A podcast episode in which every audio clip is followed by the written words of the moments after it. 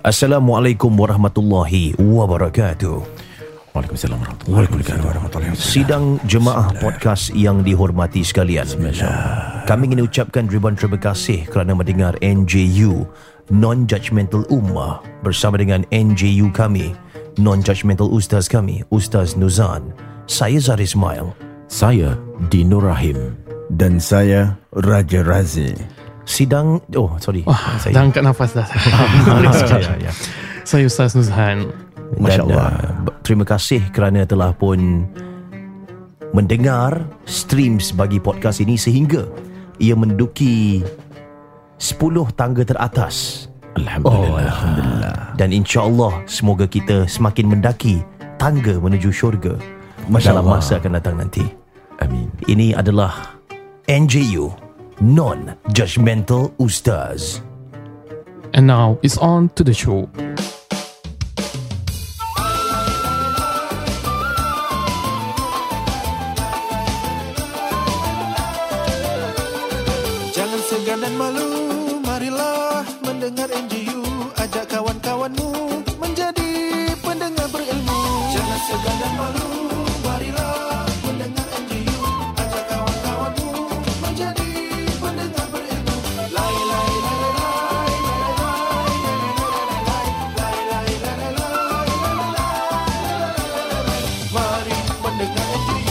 Selamat kembali ke NGU Non-Judgmental Ustaz dan pada hari ini kami ingin ucapkan ribuan terima kasih sudi mendengar. Pada setiap hari Jumaat kami keluarkan rancangan ini sebanyak 3 episod yang boleh anda dengar sesi soal jawab yang dikelolakan oleh kami dan dijawab oleh Ustaz Nuzan merupakan residen NGU kita pada setiap minggu.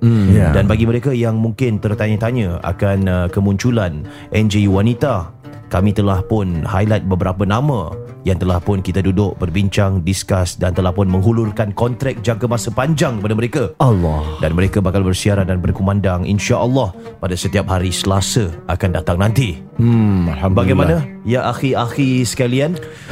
Perasaannya Alhamdulillah. berke- Betul lah Alhamdulillah. Okey okey. Ya, Ini kau nak Alhamdulillah. kau nak kenen orang eh? Eh, tak tak tak tak. Alhamdulillah Ana rasa um, begitu bersemangat lah sama-sama kita dapat menerbitkan rancangan-rancangan agama. Hmm. Kita ada asatizah kita yang sama-sama dapat uh, berkongsi ilmu hmm. eh, kepada pendengar-pendengar kita Alhamdulillah. Dan uh, kami juga ingin mendapatkan sokongan daripada antum semua eh, untuk sama-sama lah uh, kita belajar untuk mencintai Allah SWT. Semoga kita jadi ummah yang baik. Semoga kita menjadi orang-orang yang berilmu juga sikit sebanyak mendengar uh, podcast nombor satu, podcast Islamiah nombor satu Masya Allah. uh, di Singapura. Alhamdulillah. Yeah. Dalam masa yang sama juga peringatan kami taklah sebaik mana yang anda fikirkan. Hmm. Kami juga seperti manusia biasa penuh dengan dosa yang telah pun hina, jijik, diludah. Ya Allah. Oh, Masya Allah. jatuh. Ya, ya. lebih rendah daripada seekor cacing dalam tanah. Masya Allah. Derajat kami. Ya ya. Tapi kami lakukan kerana sampaikanlah walau sepotong ayat sekalipun. Oh. Oh, betul lah. Ayat seribu dinar. Bukan. Apa engkau? Ha? Tak ayat seribu dinar pun untuk mendapat rezeki. Oh, okay. What has that got to do with what I've just said? Oh, ya, tak. Ini Lain, ilmu, ilmu. lah. Ilmu, Bahasa ilmuan. ilmu. Ilmuan. Kita mulakan dengan soalan Ustaz eh. Baik. Boleh, boleh. Sebab yalah Baik soalan yang pertama Daripada pendengar kita ni Ya, silakan akhi. Jauh daripada Malaysia Ini tak boleh cakap nama eh, ni semua eh. Ni uh, private DM eh. Ya maaf Saya bohong tadi Bukan Malaysia Ni, ni Singaporean Ah, lah jangan bohong ya. Kira Berdosa. konon macam NGU dah sampai ke sana. Oh. InsyaAllah, insyaAllah boleh sampai. InsyaAllah Ya. InsyaAllah Ah. We are sinners. Mana orang-orang Malaysia Angkat tangan ya, Kira Tak nampak Tak nampak Jokat angkat tangan eh. Tak nampak Tak nampak Tak nampak uh, Silakan Zar Smile. Baik Ditanya Salam NGU Waalaikumsalam. I have a question I have a domestic helper And zakat is due Since Alil Fitri is coming Eh iya ke? Huh? Belum puasa nak hari raya Dia dah berfikir lah tu. Dah Dah berfikir oh, lah. baik. Ada niat nak berzakat lah tu kan. Ya. Fikir panjang. Dia dah fikirlah Dia ada pembantu rumah ni Ya. Zakat ni dah Perlu dibayar dia Ada domestic helper Oh ada maid Kita yang nak kena bayar Is it kita yang nak kena bayar for her Because I heard from her Since she is far away from home And staying with us My husband must pay for her This is the first time I'm hearing this So I hope you can clarify this matter Thank you Dia mengatakan Pembantu tu mengatakan Ya bu Sayanya tinggal di sini ya Saya tinggal di rumah ibu Jadi jauh daripada keluarga Jadi sebenarnya Suaminya Yang perlu bayar zakatnya Bukan Oh. saya Macam nyanyi lagu dandut Bagaimana? Ya. Silakan Ustaz Bismillahirrahmanirrahim. Alhamdulillah wassalatu wassalamu ala sayyidina Rasulillah wa ba'd. Hmm, pertama-tama terima kasih kepada semua yang sudi streamkan NJU ni sehingga jatuh ke tangga yang ke Yang baik lah. tu tangga yang baik lah. Oh tak boleh Dah cakap jatuh nama di, oh. Oh. di pijak Tangga nombor tujuh. Tangga nombor tujuh. Tujuh Tujuh Nombor tujuh sekarang Alhamdulillah. Alhamdulillah Apa pun kita niatkan uh, apa sebagai satu zikir. Belakang Joe Rogan Ustaz. Kita belakang Joe Rogan. Bukan Joe Rogan tu yang zikir Tapi niatkan zikir. Mengulang-ulang ilmu tu. Ya, Kadang-kadang kalau kita dengar-dengar balik tu Adalah satu zikir eh, Di sisi Allah SWT Amin. Kita, kita, kita belakang TED Talk Ustaz. Kita belakang TED Talk. Bukan TikTok eh. Alhamdulillah. Ya, ya, ya. Alhamdulillah. Jadi terima kasih atas sokongan. Dan sebenarnya Ada satu ungkapan ulama eh, Bila mana kita cintakan agama Cintakan syiar agama hmm. Cintakan apa program-program agama Hakikatnya kita sedang membesarkan Allah Innama azzamullaha Sebenarnya jiwa kita ni sebenarnya cintakan Allah Subhanahu Wa Taala. Bila kita amin. suka dengan masjid, suka dengan program agama, suka Ya. dengan apa nasihat-nasihat yang baik kan. Mhm. Jiwa kita yearning eh tu Allah Subhanahu Wa Taala. So itu di sebalik segala-galanya. Jadi apa pun kita kembalikan eh segalanya atas nikmat dan uh, atas uh, gerak daripada Allah. Alhamdulillah. Mengenai zakat Sebelum saya sebut tentang hukum zakat, Hmm. zakat ini satu ibadah kalau kita tengok dia menjadikan harta kita uh, suci. Uh, kenapa dia suci? Hmm. Maksudnya sebahagian daripada apa yang kita perolehi uh, daripada usaha kita kalau dah melebihi nisab kan kalau cakap pasal zakat harta lah khususnya Mhm. dah haul setahun kita mensucikannya dengan memberikan kepada orang-orang yang lebih memerlukan juga yeah. daripada tujuh golongan asnaf. Hmm. Itu zakat harta. Kalau zakat fitrah tu setiap individual. Semua orang kena bayar. Nah. Ha, jadi tak kisah. Sesiapa pun it is obligatory for all Muslim Mhm. and actually the maid is obligated to pay zakat on herself. Oh Ah, using her savings. Okay. That is Oh. the, uh, initially. But in case that she can't afford ataupun not able to do so, her employer can just pay on, for her but on the condition that the maid is informed and uh, to to her consent that she is agreeable to that lah. Oh. Uh, kena beritahu dia, Mbak, Mbak lah eh kalau daripada yang apa Filipin ke apa tak payah bayarkan zakat pula pasal-pasal eh. Asal Ah, jangan jadi- ombak Ellie sudah lah Ah, Ya, ya. ya. Jadi kita kata Mbak uh, Boleh saya bayarkan zakat anda tahun ini Zakat fitrah anda Hmm. Kalau dia kata uh, Ya silakan Monggo pak Kan? Hmm. Silakan. Tapi kalau dia kata Gak apa-apa pak Gak apa-apa. Biar saya aja. Ya kan? Uh, Jadi Ustaz bayaran zakatnya untuk ke Singapura ataupun bayarannya untuk ke Indonesia Bayarnya kalau Di mana kita berada Bertugas eh, Bekerja di, tem- di situlah Tempat yang kita bayar. Oh. Okey. Ah, jadi ibadah zakat dia mensucikan harta. Se, se, dia dia buat gini. Saya saya kasih satu gambaran ya. Kalau sembahyang dia bila kita sujud dia membuat kita merasakan diri kita kerdil dan Allah lah yang maha agung membuang rasa hebat diri. Ya Puasa membuang rasa nafsu, syahwat, keinginan yang mana kita consume dalam dunia ni sebenarnya banyak padahal kita perlukan sedikit. Hmm. Ya Ha, tu kalau puasa. Kalau zakat membuang rasa tamak. Rasa harta ni semuanya aku yang possess, aku yang usaha, aku punya effort, aku yang hasil semua aku punya Hmm. kepada ada hak orang dalam harta aku. Oh. Ha, jadi moga-moga uh, amalan anda diterima.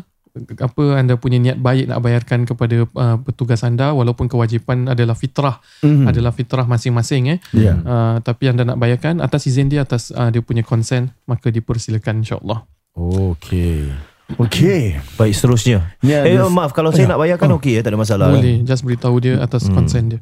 Saya sarankan bayarkan. Ni, ni Ya. saranan saya lah Sebagai seorang uh, Majikan. Dah bertahun ni kita ambil uh, Ni jangan Orang kata tu Ala berapa je kan. Ya, Ini ya. ini fitrah. Eh memang fit, oh, fitrah Memang bayarkan Yalah. Hmm.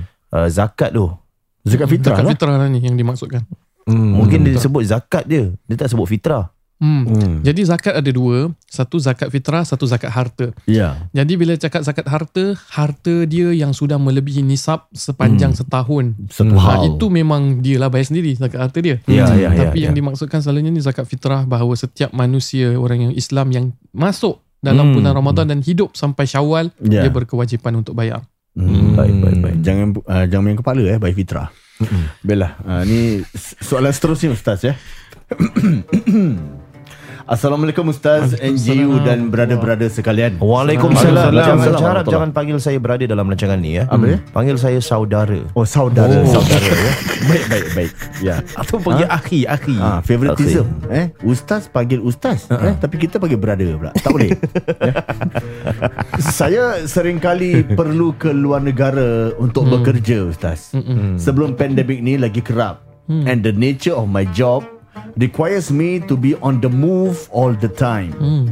Kalau dapat assignment overseas, ini biasanya antara 2 hingga 3 minggu hmm. di luar negara. Hmm. Pada assignment yang baru lepas ni, saya cuba untuk tidak meninggalkan solat tetapi ini agak sukar kerana saya perlu bertugas. Hmm. Oleh itu, saya terus berjamak kasar hmm. sepanjang assignment saya selama 2 minggu tersebut. Astaghfirullahaladzim. Saya pernah terbaca solat jamak dan kasar ini hmm. hanya valid untuk 3 hari sahaja. Hmm. Dan ada juga yang menyatakan maksima 15 hari. Hmm. Dan ada yang kata sepanjang durasi kita bermusafir. Hmm. This is all really confusing for me. so really appreciate if Ustaz and JU can help to clarify this. Thank you in advance. Okay, thank you for your question. Ya, ini I hope, ini yeah, steward stewardess pun ada pernah tanya saya juga. Yeah, Yeah. mashallah. Eh. So I hope that everyone can benefit from this because we travel a lot into this context and I also applaud them. Mereka ni walaupun kan bermusafir tapi dia betul-betul nak tahu tau. Hmm. Ada orang kan apalah jamak-jamak je lah kasar-kasar je kan tapi Yeah. ada orang oh ni aku nak tahu ni 3 hari ke 7 hari so Hmm. ada beberapa pointers yang boleh kita perhatikan satu kerana kerjanya juga eh di, Yeah. di samping dia tu bermusafir satu kerana kerja itu yang saya nak sentuh sikit nanti Mhm. baik pertamanya secara umum mari kita kenali apa tu jamak jamak adalah menghimpunkan dua Solat. solat, Dua solat, ya. zuhur ke asar atau asar ke zuhur dinamakan jamak takdim atau takhir Hmm, jamaah tak ayah tak ada eh? Ah, Kita tak. Ini joke ustaz-ustaz. Ah, ustaz, ustaz. Jom ustaz ustaz. Jom ustaz-ustaz macam jimat tak payah. Okay, tak adalah. Astagfirullahaladzim. Lagi astagfirullahaladzim. Jimat, Maaf, maaf, maaf, maaf, maaf, eh. Tak apa, Okay. tak apa, tak apa. Okay. So, maghrib dengan isyak Ah, dijamakkan eh. Sama ada takdim dibawa isyak ke maghrib atau takhir dibawa maghrib ke Isyak. Jadi, itu jamak. Hmm. Itu walaupun kita bukan musafir, Mhm. ada keringanan untuk buat tersebut. Okay. Ada pun kasar, dia ada had ataupun ada masafah, ada ada Distance distance, distance. yang tertentu untuk kita boleh memendekkan eh, kasar memotong sembahyang tersebut Ya. daripada 4 pergi 2 Hmm. uh, zuhur daripada 4 pergi 2 asar dari 4 pergi 2 tak ada maghrib pergi satu setengah atau subuh pergi satu tak ada eh Oh, Ya. tak ada. itu eh? secara ringkas dahulu bagi mungkin ada yang belum pernah dengar Ya. Nah sekarang soalan dia Okay itu semua kita clear Semua kita tak clear sekarang ni 3 hari boleh ke 7 hari boleh ke 10 hari Dalam mazhab Al-Imam Syafi'i rahimahullah 3 hari sahaja Oh, I Dan see. maksud 3 hari ni pun selalu orang keliru Diingatkan Bila I, let's, let's say we go to London lah eh Okay. So we are going to go there Selalu orang pergi London berapa seminggu Dua minggu dia, Dua seminggu minggu. dia. Ah. Tengok Museum. kekayaan dia macam mana. Ya betul juga Orang macam saya 4 hari je lah. Empat hari, 4 ya. hari 3 malam. Uh, selalu I'm not sure ke, kalau London orang pergi mana museum pergi makan-makan Tengok bola. ah, Pergi, shopping ah, kan. bola. Liverpool game. Ya. ya ya so dalam kalau dia dah plan seminggu Ya. Hmm. orang selalu salah faham kalau dia nak pergi satu tempat tu seminggu Hmm. dia ingatkan bila dah sampai tempat tu hari pertama hari kedua hari ketiga dia boleh jamak kasar Oh, okay. sebenarnya itu kesalahfahaman Hmm. yang dimaksudkan tiga hari kamu boleh jamak kasar dalam mazhab Imam Syafi'i itu adalah sampai di tempat itu tak Touchdown. kira hari kamu sampai dan tak kira hari kamu pulang Hmm. memang niat kamu tujuan kamu hanya tiga hari dan tidak lebih Hmm. kalau kamu sudah berniat memang nak pergi seminggu bermakna hari pertama bila kamu sampai masih boleh jamak kerana itu hari perjalanan Hmm. hari kedua tiga empat semua dah tak ada jamak dah biasa Oh. dia tiga hari bukan tiga hari kamu kat first three days you are there. But your intention to go there must be lesser than four days or max is three days. Tak termasuk hari pergi dan hari balik. Lama, ni dah salah banyak ni saya ni. Hmm. Ah, tapi tak apa. Ah, Macam mana? Kerana ada juga mazhab yang lain seperti mana yang tadi disebutkan. Ya, Ah, saya ah, saya yang saya lain. rasa dalam rancangan NGU ni dalam rancangan NGU ni kita raikan kepelbagaian kerana betul. kita bukan nak meringan-ringankan agama maupun kita nak lihat uh, pandangan-pandangan daripada seorang ulama dan mem, apa mencari yang mudah ataupun kita sebut tatabuk rokhas eh mencari-cari yang mudah dan memperlekehkan pandangan. Tidak. Hmm. tapi semata-mata kita nak tahu di luar sana. Contohnya kawan kita ni tadi bekerja. Ya, sampai ya. tertinggal sembahyang bila dia tertinggal sembahyang Mhm. kalau kita kasih dia satu pandangan saja dia sampai tertinggal sembahyang sedangkan dalam agama itu kita raikan ulama-ulama besar daripada mazhab-mazhab yang lain juga menyatakan ada pandangan yang lain Ya. so why not we cherish eh Mm-mm. tapi jangan dianggap sebagai satu benda yang default yang boleh kita mudah-mudah saja Mm-mm. um, Saya suka dengan tagline ya. NJU, raikan kepelbagaian. Masya Allah Oh, Fuh. raikan kepelbagaian. ya raikan. NJU Kita cherish Tak style bro. Oh tak start eh Ya. Ya, ya. Teruskan Ustaz. Okay. Kita cherry Silakan Ustaz. yeah, cherish the differences eh. Hmm. So uh, dalam mazhab Imam Abu Hanifah, Imam Hanafi tu yang tadi penyoal tu cakap tadi 15 hari tu dalam mazhab Imam Abu Hanifah. Oh. Tapi ada lagi satu pandangan dalam mazhab Imam Syafi'i yang mungkin kita nak tahu. Ya. Iaitu boleh uh, sampai 18 hari. Hmm. Boleh jamak kasar sampai 18 hari. Mhm. Cuma bila boleh jamak kuasa sampai 18 hari? Bila? 18 hari bila mana kita tak tahu destinasi kita tu bila kita pergi, bila kita balik. I see Kita pergi, okay kita ada assignment. Hmm, kita yeah. nak kena buat sesuatu mission. Hmm, tak ada yeah. tiket balik. Belum tahu lagi. Ni habis-habis lah. Hmm. So sampai 18 hari kamu boleh jamak kasar. Kalau dia dah lebih dari 18 hari pun kamu belum balik-balik lagi. Mm-mm. Bermakna kamu dah kena jam, sembahyang tamam. Ah, so that is dalam Sembahyang mazhab tamam Syafi'i apa? yang tamam tu sempurna 4 rakaat. Oh, Tidak biasa lah. Biasa lah. Ya Sembahyang biasa dan Oh, tidak jamak. Sembayang tamam eh. Tamam, Hmm, tamam. Saya akan hafal benda Ah. ni. Ya. Macam perkataan dah habis cerita orang dulu-dulu, dah habis cerita dia kata tamat. Tamat ah. Ah. Tamat kira selesai kan. Jadi Hmm. kita selesaikan semua sembahyang tu dengan sempurna lah. Oh. Tamam. Kalau mamam, mamam makan ah, makan ya. Apa sorry. makan lah Ya. So 18 hari kalau kita tidak tahu destinasi kita nak pergi cepat ke lambat. Uh, dan sebenarnya dalam mazhab yang lain ada ulama sampai kata apa? Sepanjang kamu tak bermastautin di tempat tu, Ya. kamu tak sewa rumah, tak ada tempat hotel ke kemah ke macam apa pun sepanjang kamu masih belum lagi really apa ada Settle down lah. settle down, Hmm. boleh jamak kasar dia. So ada pandangan seperti tu. Ah, kita ambil yang tu lah. Ah, Oh, tak kalau terpaksa kalau sebab itu saya cakap tadi Ah, dia kalau- kerja kalau dia pun tak keadaan. tahu macam mana. Ya Tapi kalau kita dah cuma pergi Malaysia, pergi Indonesia, kita pun tahu Hmm. kan ah, berapa hari, Boleh berapa agak-agak. hari, ah, ada lepas tu tidur pun hotel. Kita ambil mantap Syafi'i macam biasa 3 hari saja, selebihnya jangan. Tapi kalau kita rasa kita tak tahu berapa Ya. hari habis pindah. Lebih-lebih lagi ada lagi satu ada lagi satu orang kata concession lagi. Hmm. Kalau kita berpindah-pindah, Hmm. maknanya tadi you cakap pergi tengok Anfield lah ataupun Old Trafford lah for, Hmm. for Ya, example. eh. yes, You yes. pergi London, Hmm. dalam masa you pergi London tu you stay 2-3 hari lepas tu you pergi Old Trafford which is more than perjalanan 90 km daripada London Hmm. Ya. so you boleh keep on jamak kasar lagi you Oh. refresh balik you punya 3 hari I Oh, see yelah, yelah. Ah, jadi apa yang saya nak buat kesimpulan kita raikan kepelbagaian Hmm. kalau dalam mazhab Imam Syafi'i itu 3 hari tu masuk uh, tak termasuk hari pergi dan balik Hmm. uh, Mhm. bukan first 3 days dan kalau kita rasa agak susah cari pandangan ulama-ulama yang lain Nabi SAW bila hari pembukaan kota Mekah Yaumu Fathu Mekah Nabi daripada Madinah pergi Hmm, hmm. berkemah di depan kawasan Mekah Ya sampai 15 hari sampai 18 hari Nabi terus jamak jadi ulama berbeza pandangan Hmm. ada yang katakan yes because it's 18 eh, on the 18th day lepas tu Nabi masuk kota Mekah Nabi Hmm. solat tamam ada yang kata 18 tu menunjukkan maksimum ada yang kata bukan pasal maksimum itu kerana 18 tu sahabat semua dah masuk kota Mekah Hmm. jadi eh, dia bukan 18 dia dia sampai kita ada tempat tinggal dia ha, jadi pelbagai pandangan Itu kalau orang raih. tahu tentang adanya kepelbagaian. Kalau orang macam biasa-biasa lah macam tadi soalan Hmm. tadi kan. Macam yeah. kerja 2 Mm-mm. minggu. So what is the solution for him? Is it like dia boleh kasar all the way? So nak cakap after yang uh, Ustaz Nuzan uh, terangkan Hmm. Macam dia tahu let's say dekat sana selama 2 minggu Hmm. Kan so dia just bila dah sampai dia nak kena solat tamam je lah Hmm, betul lah. masuk tamam. Betul lah. Betul Kira lah. betul. Cuma pergi dengan balik tu dalam perjalanan Hmm, boleh jamak kasar. Perjalanan Pasal- boleh jamak lah Oh sebab dia dah tahu dia 2 minggu je. Ah. Oh, Ya. okay. Tapi kalau dia kerja, that's why saya cakap saya highlight tadi. Kalau dia kerja lepas tu dia sampai tertinggal sembahyang apa-apa, so dia raikan pandangan yang bukan tiga hari. Dia boleh ambil yang pandangan yang 15 hari mazhab Imam Abu Hanifah ataupun Yes pandangan mazhab Imam Auza'i, imam-imam yang Hmm, cool. lain yang Oh. memang sangat berkaliber.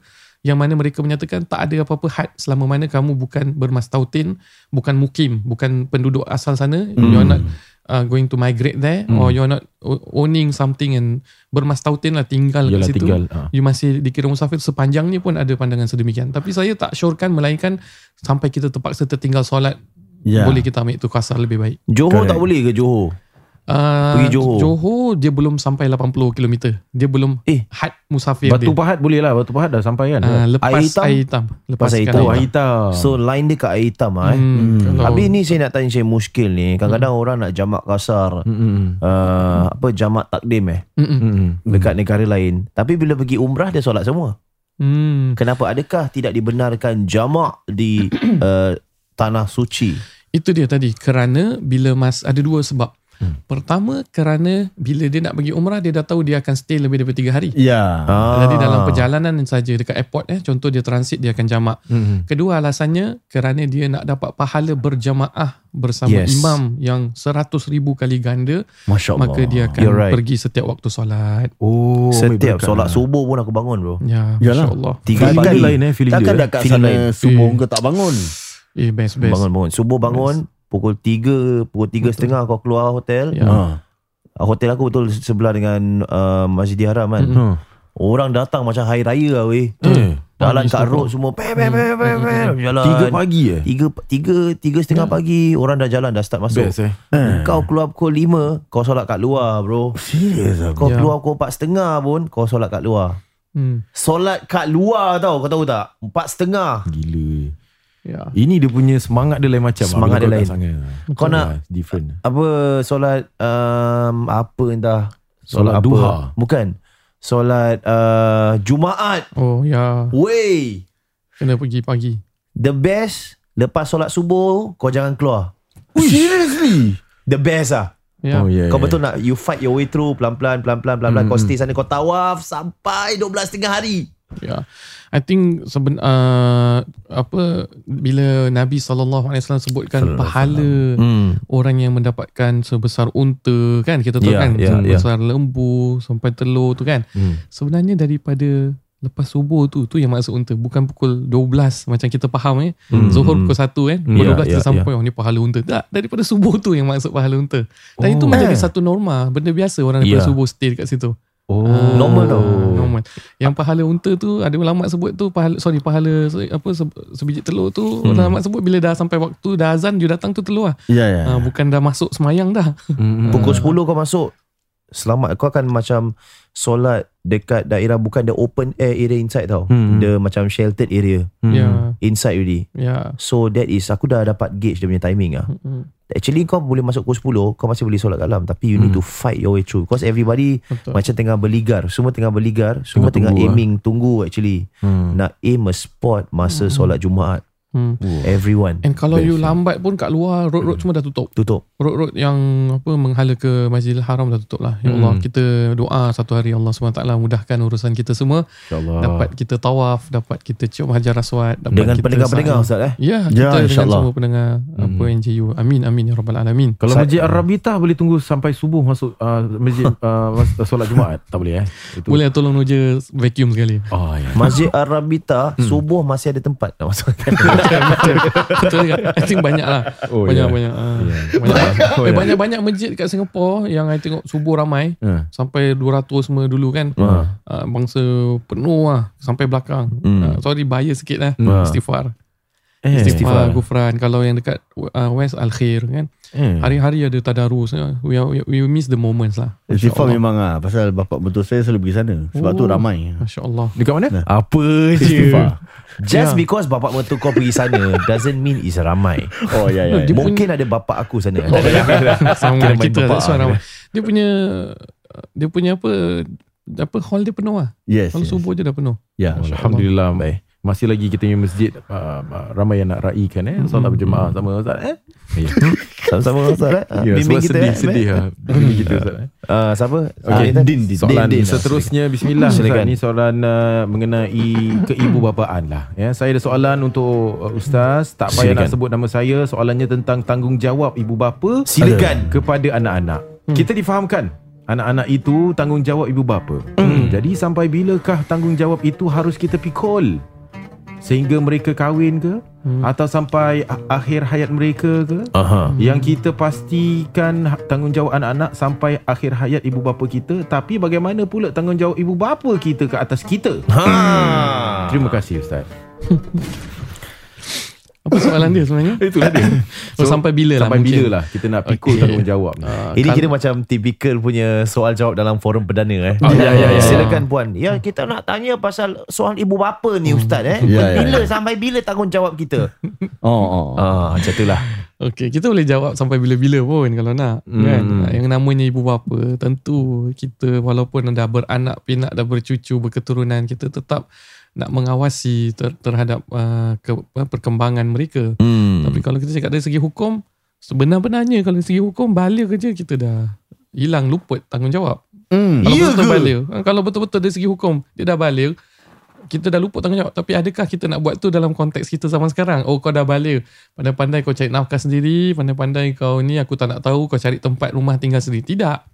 Kan? Hatta Oh. walaupun dah berkahwin, kita ter- terus memantau dan memberikan perhatian. Hmm. Jadi saya kira uh, soalan tersebut uh, satu perkara yang boleh kita pelajari adalah uh, dia ongoing lah.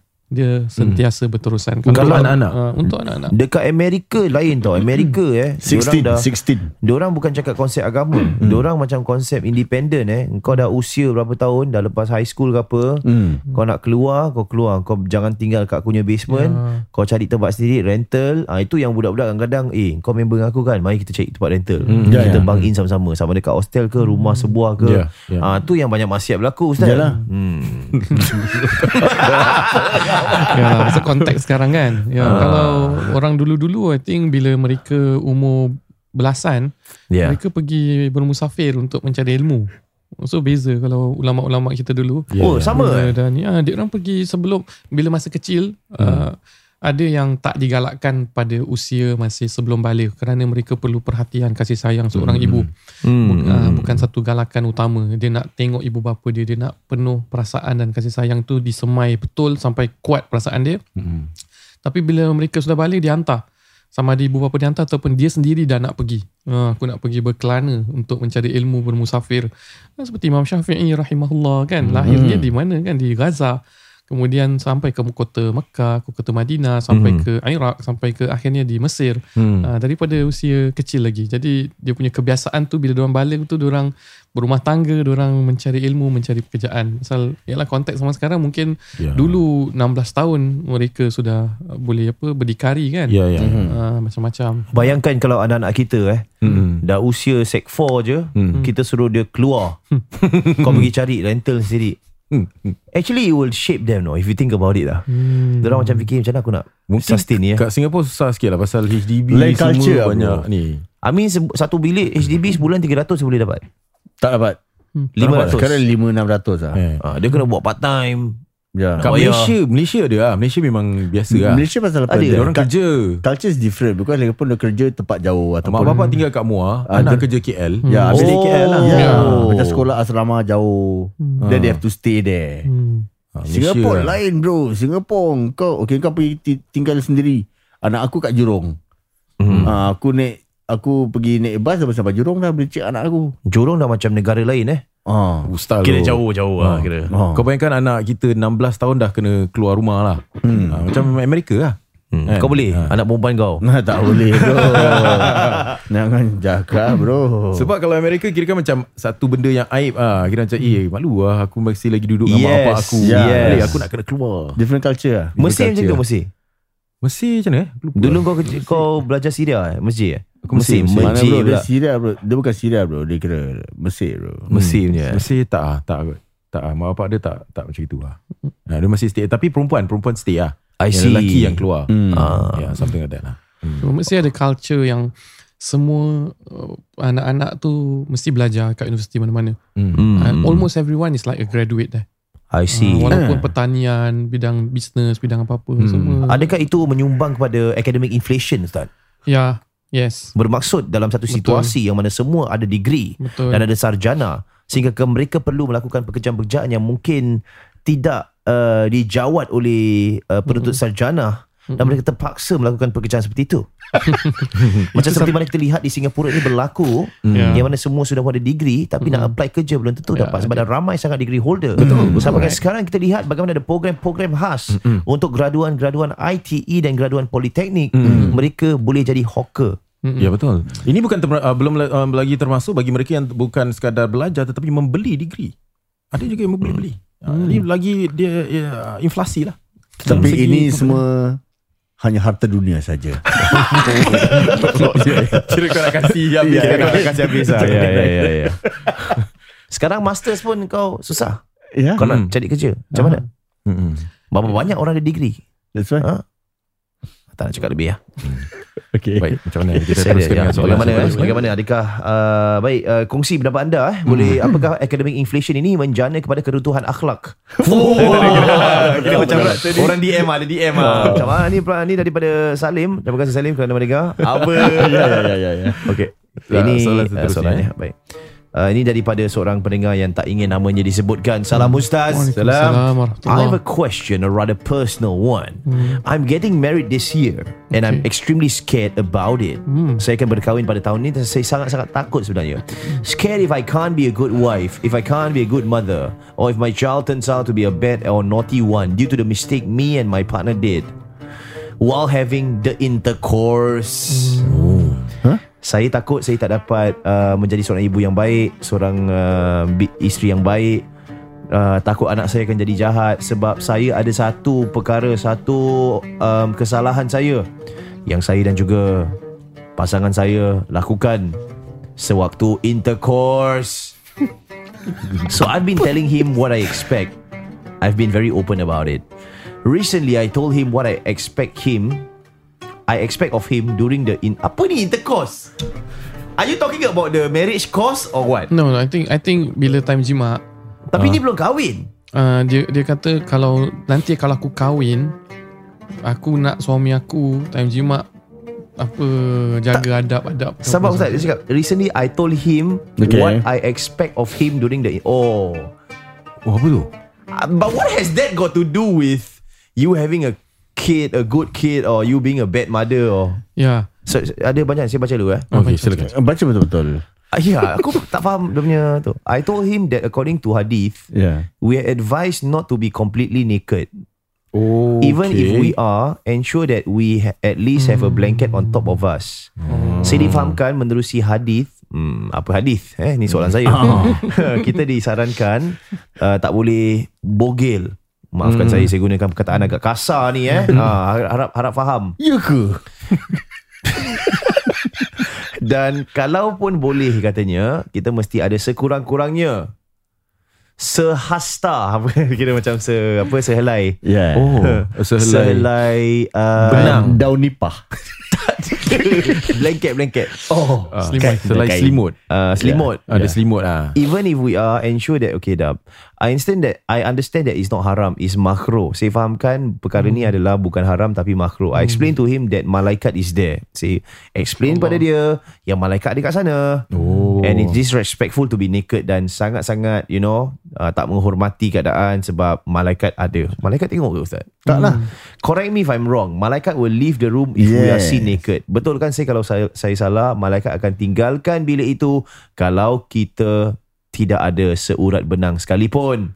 And if by any chance due to the intercourse I get pregnant, it will affect the child's behavior behavior in the future. Oh. Dan dalam masa yang sama kalau saya mengandung kerana saya uh, dis, disebabkan jima dan malaikat tak ada dalam bilik, budak ini akan perangai bila dilahirkan. Oh. Ya ke? Mother Teresa macam mana? Aku fikir-fikir macam Mark Zuckerberg ni macam mana pula eh? Hmm. But my partner don't agree to this. He understands the hukum. But he said it's makro what? It's not haram what? Oh. Katanya pasangan dia tak bersetuju dengan ni. Dia cakap okay ya hukum tapi makro bukan haram. I told him that I'm also afraid if jin were to look at us and try to do something funny. Saya takut kalau malaikat dah tak masuk, Hmm. kita dah tak tanpa suara benang, Aha. habis jin ada, Hmm. jin cuba untuk masuk. Jin Oh. cuba untuk kacau kita. Okay. Aku Jin rasa Afred. mungkin lah. Mm-mm. Hmm. But he said that we are taught to recite a doa before making out. Dia cakap kita diajar untuk membaca doa sebelum kita bersetubuh. So that will prevent the jin from interfering. Ini akan uh, mengakibatkan jin itu ya tidak berkacau, tidak Ya, kacau tak kita. mengganggu lah. Ha, ni yalah pakailah sabun bidara eh. I'm not sure but I think the doa will prevent the jin from joining the intercourse. Ha? Sorry, sorry. Maafkan saya, saya terjudgmental pula ni. um, saya rasa katanya um, bila kita tak baca doa nanti jin akan masuk campur bila kita tengah bersetubuh. Takut dia akan dia pun akan join juga. Ya lo, ya lo. Ah, iya. Kau dengar benda ni? Okay. I'm not sure but I think the doa will prevent the jin from joining. Okay. The jin will still be there in the room watching. However, the jin will be there still in the room watching and malaikat will leave. Jin is extremely smart and evil katanya. Uh, iaitu uh, seekor jin ini sangatlah bijak dan juga jahat. So God knows lah what is gonna whisper to us kan. Takut dia akan How do I explain to him about the danger it will bring to both of us and the child we might conceive? And in Islam, can a wife rejects her husband makruh's request? Dalam Islam kalau seandainya kita dah tahu ni makruh, boleh tak kita sebagai isteri reject benda ni Ustaz? Also, satu lagi, wearing short pants at home. Pakai seluar pendek kat rumah. We will be staying at our own place. Kita akan tinggal di rumah sendiri. But I still told him not to wear shorts above knee length. Saya beritahu dia walaupun saya di, di rumah sendiri, jangan sesekali menggunakan seluar pendek di atas uh, lutut. Lutut. I told him I won't be wearing short clothes. Saya beritahu dia saya tak akan pakai baju-baju pendek tank top ni semua goodbye. Huh? I tak akan mah. I tak akan pakai. I won't be in hijab of course. Saya tak akan berhijab all the way lah kalau kat rumah. But I'll be in long pants and long shirt. Ha? Hmm, ni pakaian dia lah. Biarlah ni kan perkahwinan dia. Yelah, Kau yelah, yelah, apa? yelah. Yelah, yelah. A- Aku risau sendiri. Because jin is there. Kata dia. And what if they like it and they start raping either of us? Masya Allah. La haula wala quwata illa Takut kalau jin tengok dia suka dengan keadaan Dia akan mula Ialah Mendekati dan melakukan perkara yang Tak senonoh. Then he asked But what if I want you to wear something short On this particular day? Kalau saya nak Awak pakai tank top satu hari Atau suap pendek. Ni permintaan suami Ah, lah permintaan kan. suami. Ha. Then he asked uh, dah, dah saya dah baca tu eh. I don't know what to answer. Saya tak tahu apa nak jawab. I don't know what's right or wrong about this. Saya tak tahu apa yang betul Apa yang salah pasal benda ni. Can you please advise me about clothings What we should wear at home When we are alone with our husband? Boleh tak uh, Anda Berkongsi sama? Apa pakaian yang boleh dipakai di rumah? Dan juga Apa yang boleh kita gunakan Ketika Berseorangan Bersama dengan suami Yang tercinta Tu jin dia jin dia Oh. Takkan mandi pakai seluar panjang lengan panjang? I don't know I'm just thinking Our sister is overthinking a lot of things Yeah, maybe. Like for me I'm not putting any standard lah eh. Yeah, Macam yeah. sebelum aku kahwin Dengan bini aku Ya. Kalau benda yang There is things to be There are things to be planned Berapa banyak duit nak save You know uh, Majlis macam mana Betul. Habis kalau let's say kita ada anak Anak nak didik macam mana Ya. uh, Dan uh, Boleh pergi tahlil ke tak That's why macam aku punya So kira kan benda ni ada tiga soalan lah. So the first one is about uh, apakah cara yang terbaik bila kita nak berjimak dengan suami. Hmm. Bersatulah. Ya. The second one is boleh tak isteri reject bila suami nak berjimak dengan cara yang makruh? That's number two. Kira isteri boleh tak reject? Hmm. Kan kalau sebab suami tak nak pakai selimut ke apa. Kena So, reject perkara-perkara makro lah. ah, Kena. okay. Then the third one is pakaian macam mana yang sesuai di rumah bersama suami. Ada satu lagi soalan Ah. Betul ke jin Bersatu. Tengok habis dia suka Ah, Eh betul. salah Aku nak join lah Ah. Apa ni Apa, apa interspecies Kena jin bergelut sekali lah. Yalah I mean Jangan Sounds- Razi aku what, What's your take Tadi Zar has said some uh, Of his opinion dulu Kalau Razi Apa pandangan awak Pandangan apa Saya, yang... saya belum kasih opinion betul Ustaz eh? Ha, saya, saya sikit je lah. saya kasih kasih opinion Tak kau apa dulu? kau kasih dulu Kau kasih dulu Okey, ni apa yang saya dengar desas-desus lah Ustaz. uh-uh. Ni kalau dekat uh, rumah ni kalau setakat suami isteri aja saja yang ada tak salah untuk isteri menggunakan pakaian-pakaian menjuluk mata untuk suami.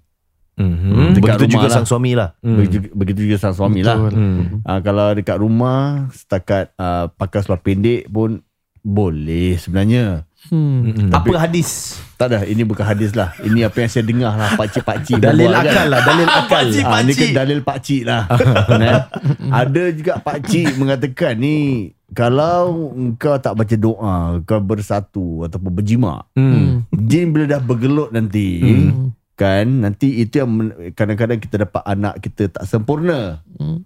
Ini apa yang pakcik cakap lah. Maaf eh, saya macam tertriggered sikit. Ah, ni ni Faham. ni pakcik-pakcik yang aku Faham. dengar lah. Aku dengar desas-desus apa yang aku tahu lah. Hmm. Bukan daripada aku lah. Ya. Anak sempurna tu didikan kita.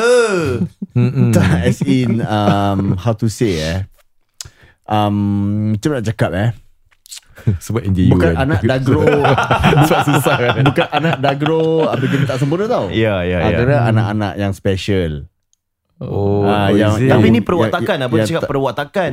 uh, Dia takut anak macam degil, Degil. ke jahat ke Ah. macam gitu.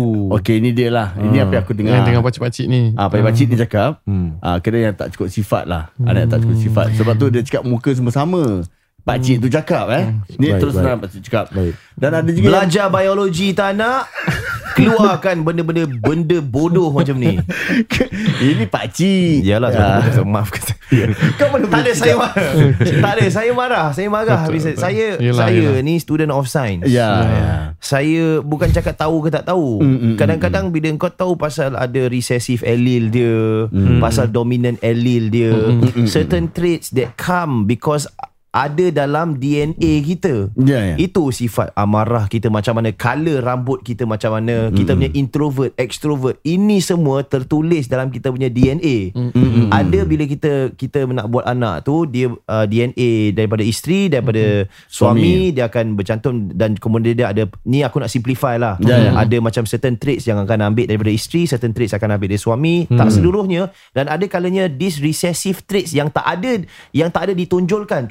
Contohnya eh. Mungkin mungkin Din, mungkin kau ada recessive blue eye punya uh, trait. Daripada mak punya side daripada mak punya side. Tapi memang mak kau dan generasi sebelum dia tak pernah ditunjukkan ada blue eye. Tapi it's a recessive, recessive allele allele yang dia punya karakteristik tak sekuat brown colour punya eye. Tapi bila kau kahwin dengan isteri kau isteri kau pun ada macam blue eye punya recessive allele habis dilahirkan anak oleh kerana pertukaran tu yang berlaku kita lakukan sedikit Punnett square. Dia lahir anak boleh keluar mata biru. Oh. Din dari sudut sains dia boleh berlaku sedemikian. Jadi bila berlaku sedemikian, orang-orang tua ni boleh tengok, oh ni kenapa tak cukup sifat? You bila uh, berjimat ada doa ke tak? Kenapa anak dia lain bila keluar?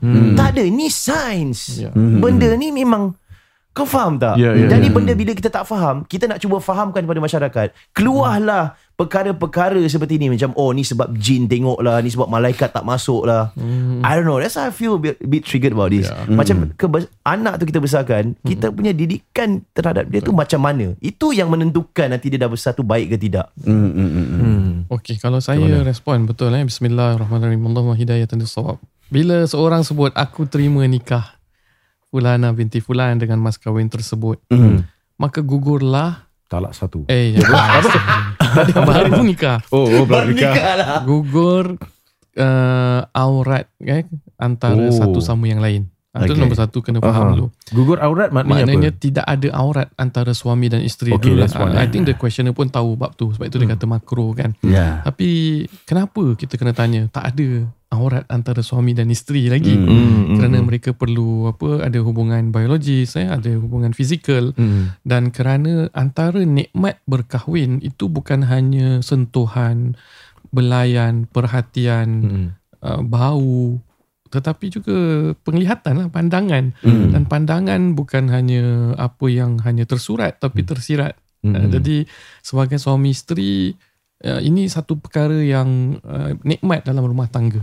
Okay. uh, so bila kita kadang-kadang rasa macam ni tak boleh ni tak boleh ni tak boleh itu itu pilihan itu pilihan Uh, sebab itu tadi yang bertanya pun cakap uh, I know uh, ini adalah satu benda yang makro tapi boleh tak kalau kita apa tolak permintaan pasangan lah tak kira lah suami atau isteri Hmm. sebenarnya bila kita tolak permintaan uh, untuk mereka menikmati yatamata menikmati uh, tubuh kita dari sudut pandangan eh kejelitaan ketampanan kita dari sudut aurat yang tidak ada lagi Hmm. bermakna kita tidak memberikan sepenuhnya dalam komitmen dalam rumah tangga ni Hmm. saya kahwin dengan I tapi tak boleh uh, apa uh, Nak terbuka-terbuka lah. uh, Ya. Tak terbuka certain thing. Hmm. Tapi of course bila beliau bertanya menunjukkan beliau ada certain reservation. Bila ada certain reservation, kalau kamu rasa pasangan kamu boleh uh, setuju dengan perkara tersebut daripada awal, itu rumah tangga kamu dipersilakan. Dari segi agama memang adab hadis yang menandakan janganlah kamu tidak ada apa-apa selimut bila bersama-sama. Hmm. Ada hadis tapi hadis tu dalam status daif. Hmm, Sebab itu hmm, hmm. walaupun dia dalam status daif, kadang-kadang amal apa hukumnya masih boleh tetap. Tapi hukum yang Nabi sebut barang siapa yang man ata ahadukum imra'atahu siapa yang mendatangi wanitanya uh, maka janganlah kamu tidak berpakaian. Ya uh, ada sebahagian riwayat seperti keldai. Itu tidak menggambarkan haramnya perkara tersebut tetapi adab. Uh, jadi kita cakap pasal dua benda. Kita cakap pasal hukum tidak ada apa-apa masalah. Tidak ada aurat eh antara suami dan isteri. Ya. tidak ada aurat antara manusia dan jin dan malaikah. Itu pun kena faham. Takut-takut kita masuk toilet alamak uh, ada aurat lah dengan malaikat, ada aurat lah dengan jin. Tak ada aurat dengan binatang pun tak ada juga. Kan? Okey. Tiba-tiba ada lipas kat dalam ni cicak tak boleh lah nanti. Uh, Lipas nampak lah. lipas nampak ke cicak tak boleh. Ya. Uh, dan dan suami isteri tak tak ada, tak ada aurat. Tak ada aurat antara suami isteri. Maksudnya kamu sama-sama tak berpakaian sambil masak. Tak, tapi tak adalah sampai Bakteria gitu pun tak kan. ada. eh. Auzubillah. Bakteria. Ah, tak terfikir ada. pula orang selalu fikir pasal aurat dengan jin ke apa. Ya. Aurat dengan cicak. Ah, Betul. Aurat dengan lipas. Ya, Yalah. pasal Cicak pun ada nafsu. Ah, yalah. Betul. Kalau tak pasti kan cicak, cicak nak mengawan. Betul lah. ya, jadi kalau kita cakap dari segi hukum taklifi, pasal you want to address dari segi hukum dulu, then this is the hukum. Ya. Uh, but let's go towards uh, bukan hanya hukum. Yeah. Beyond that is what makes a marriage. Uh, what makes a marriage is saling dapat menikmati eh, Antara satu sama lain sama lah. termasuk nikmat mata melihat itu Yeah. satu nikmat suami Yeah. isteri. Tetapi kalau kita ada reservation dan kita rasa sifat malu kita mengatasi perkara-perkara tersebut. Bukan hanya cakap kalau jin ganggu ke apa tau let's not go there yet. Hmm. Tapi macam I don't feel okay lah kalau tak pakai apa-apa kan. Hmm. Uh, boleh tak saya pakai gini? Dan kita boleh discuss lah dengan pasangan kita daripada awal. Tetapi kalau pasangan kita tak setuju kan Hmm. uh, kalau boleh janganlah macam ni itu akan jadi pergeli, uh, perselisihan antara kita Ya. Ya. Uh, jadi salah satu perlu mengalah eh. Ja- jadi tak boleh pakai dia punya hukum nyekat lagi lah kalau hukum nyekat tadi saya dah sebut tak ada aurat antara suami isteri Ya, Ya, ya, ya, ya. so balik kepada Macam kesian pada pihak suami lah. tak Kan, semestinya ada suami lah, yang tak nak pakai isteri lah. tak nak pakai apa tak nak berbogil terus Oh ada. Ah, siapa tahu kan Yelah, mungkin ada, lah, ya, ya, ah, tak kisahlah salah satu Saya juga. boleh terkesian dengan suami bakal suami. Itulah. lah. ada- Ini kalau mengikut Ya. konteks Mm-mm. yang soalan dia lah. Ah, soalan dia. Tapi kalau dia rasa oh tak nak aku nak kahwin dengan orang yang memang apa satu kepala dengan aku, okay, then you choose someone yang you I boleh see. live Yeah. together lah. Ah, yang Sebab kita jaga. dalam kehidupan di Singapura ni Ustaz, kadang-kala bila kita keluar, Mm-mm. Um, mata kita dinik, uh, menikmati pemandangan yang kepelbagaian. Ya. Mhm. Dan kekhawatiran saya adalah um, dia akan mula melihat kepada benda yang lain Hmm. Hmm. selain daripada Isteri isterinya sendiri, yang ya. halal untuknya. Kalau contohnya dia berpakaian panjang. Hmm. Dan I know it might sound a bit superficial in that sense, tapi I think Ustaz you put it in a very beautiful way. Saling menikmati dari segi visual, dari segi perbincangan, intimasi dan seumpamanya. Dan antara kenikmatan, like it or not, is a very humanistic nature of us. You know, humans they like to look at beautiful things. Hmm. Betul tak? Ya. And Yeah. then lah yang dihalalkan untuknya adalah isterinya. Then if if keadaan isterinya adalah cantik untuk dirinya, Hmm. by all means, takut macam seandainya dia lakukan perkara sedemikian, who's to stop this guy from Yes. You Untuk know. menikmati benda yang lain. Hmm. dia? Ya. Dan I would say that would present some sort of a danger in that sense. Yeah, the Mungkin bagi lima tahun pertama dia masih okay. Mhm. Tahun ke-6 dia mungkin dah mula bosan nasib macam gini je. Ah, sebab baju panjang je kat Ah, rumah. macam aku datang, you know, mean I I love you. What? Why must you do this to me? Ya. Ya. It might feel that way and it will create friction in that sense. Uh, Mungkin aku salah ataupun kalau kita dengar daripada soalan yang Zah bacakan tadi, Hmm. dia reserve because of kepercayaan yang dia rasa jin tu tengok dia. Ya, ya. Dia bukan pasal malu ke apa, dia rasa atas dasar hukum dia macam gitu. Dia pun macam okay ni okey ke tak? Aku rasa selepas dia dah tahu oh hukum macam ni, ah terus Okay. dia dah faham lah. Jadi jadi Sorry. jadi Aku tertupu ni Tapi tak boleh lah Asal pasal jin tu eh Bila Jin tengok eh Tak bila Ustaz cakap Ialah tak ada aura de, uh, Kepada jin Dari malaikat Dan juga binatang Kalau kita mandi kalian nampak lipas Betul lah Ya it's true Tak terfikir Ya, ya, Pasal kalau ya. cakap pasal hukum taklifi kan and the concern is aurat kita pada jin. Hmm, tak ada ya. aurat. Aurat kita pada Allah SWT tak ada aurat. Ya Aurat kita Hmm. pada malaikat tak ada aurat. Oh. Tetapi adab.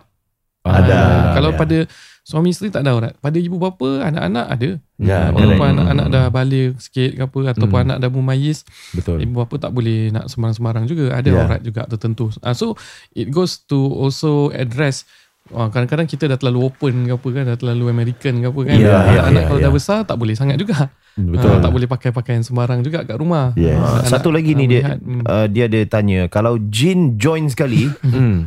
Jin join. JJ lah kira Jin join.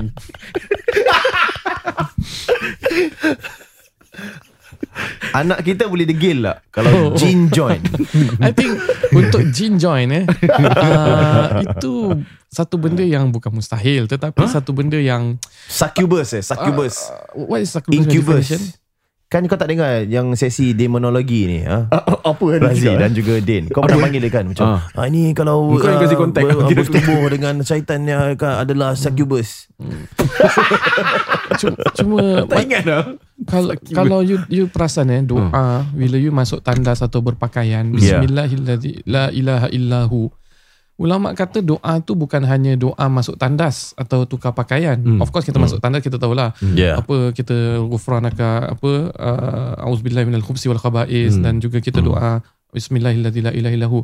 Dia bukan doa aje. Ada ulama kata dia yang akan menjadikan jin tidak dapat melihat aurat kita bila kita dah Eh. membaca tu. Ada satu protection dari Allah Subhanahu Taala. Hmm. Kedua, apabila kita nak bersama dengan suami isteri, hmm. walaupun adab-adabnya kita dah jaga berselimut, kalau aurat terdedah ke apa dan sebagainya, Hmm. Semana kita doa kan uh, Allah majannibna syaitan wa jannibis syaitan ma razaqtana ya Allah jauhkanlah kami daripada syaitan dan jauhkan daripada kami syaitan daripada apa yang kau rezekikan kami daripada Hmm. zuriat bermakna kita dah minta perlindungan dari Allah Subhanahu taala Hmm. uh, jadi perkara tentang tidak berpakaian ataupun terlalu mengasyikkan kaum jin ni Hmm. dapatlah kalau seandainya kita rasa paranoid ataupun rasa takut sikit dapat kita rawat dengan minta perlindungan seperti ini tapi Oh. kalau tanya saya sebenarnya of course itu adab tapi tidaklah sampai mengganggu gugat Kalau- uh, jin untuk bersatu dan sebagainya Kalau kita doa dalam bahasa Melayu boleh tak? Macam Ya Allah lindungilah kami daripada jin join Macam itulah Macam kita, kita minta dengan Allah dengan bahasa Melayu Boleh tak? Eh? Boleh. Ah, boleh lah Tak ada masalah Baik terima kasih atas soalan-soalan yang sudi ditanya Ini antara soalan yang paling interesting lah Yang kami Ya. terima pada Not minggu bad, ini. Dan uh, join us dan ikuti kami dalam satu lagi sesi NJU Ya. uh, Daripada kami semua di sini Wabillahi taufiq wal hidayah Wassalamualaikum warahmatullahi wabarakatuh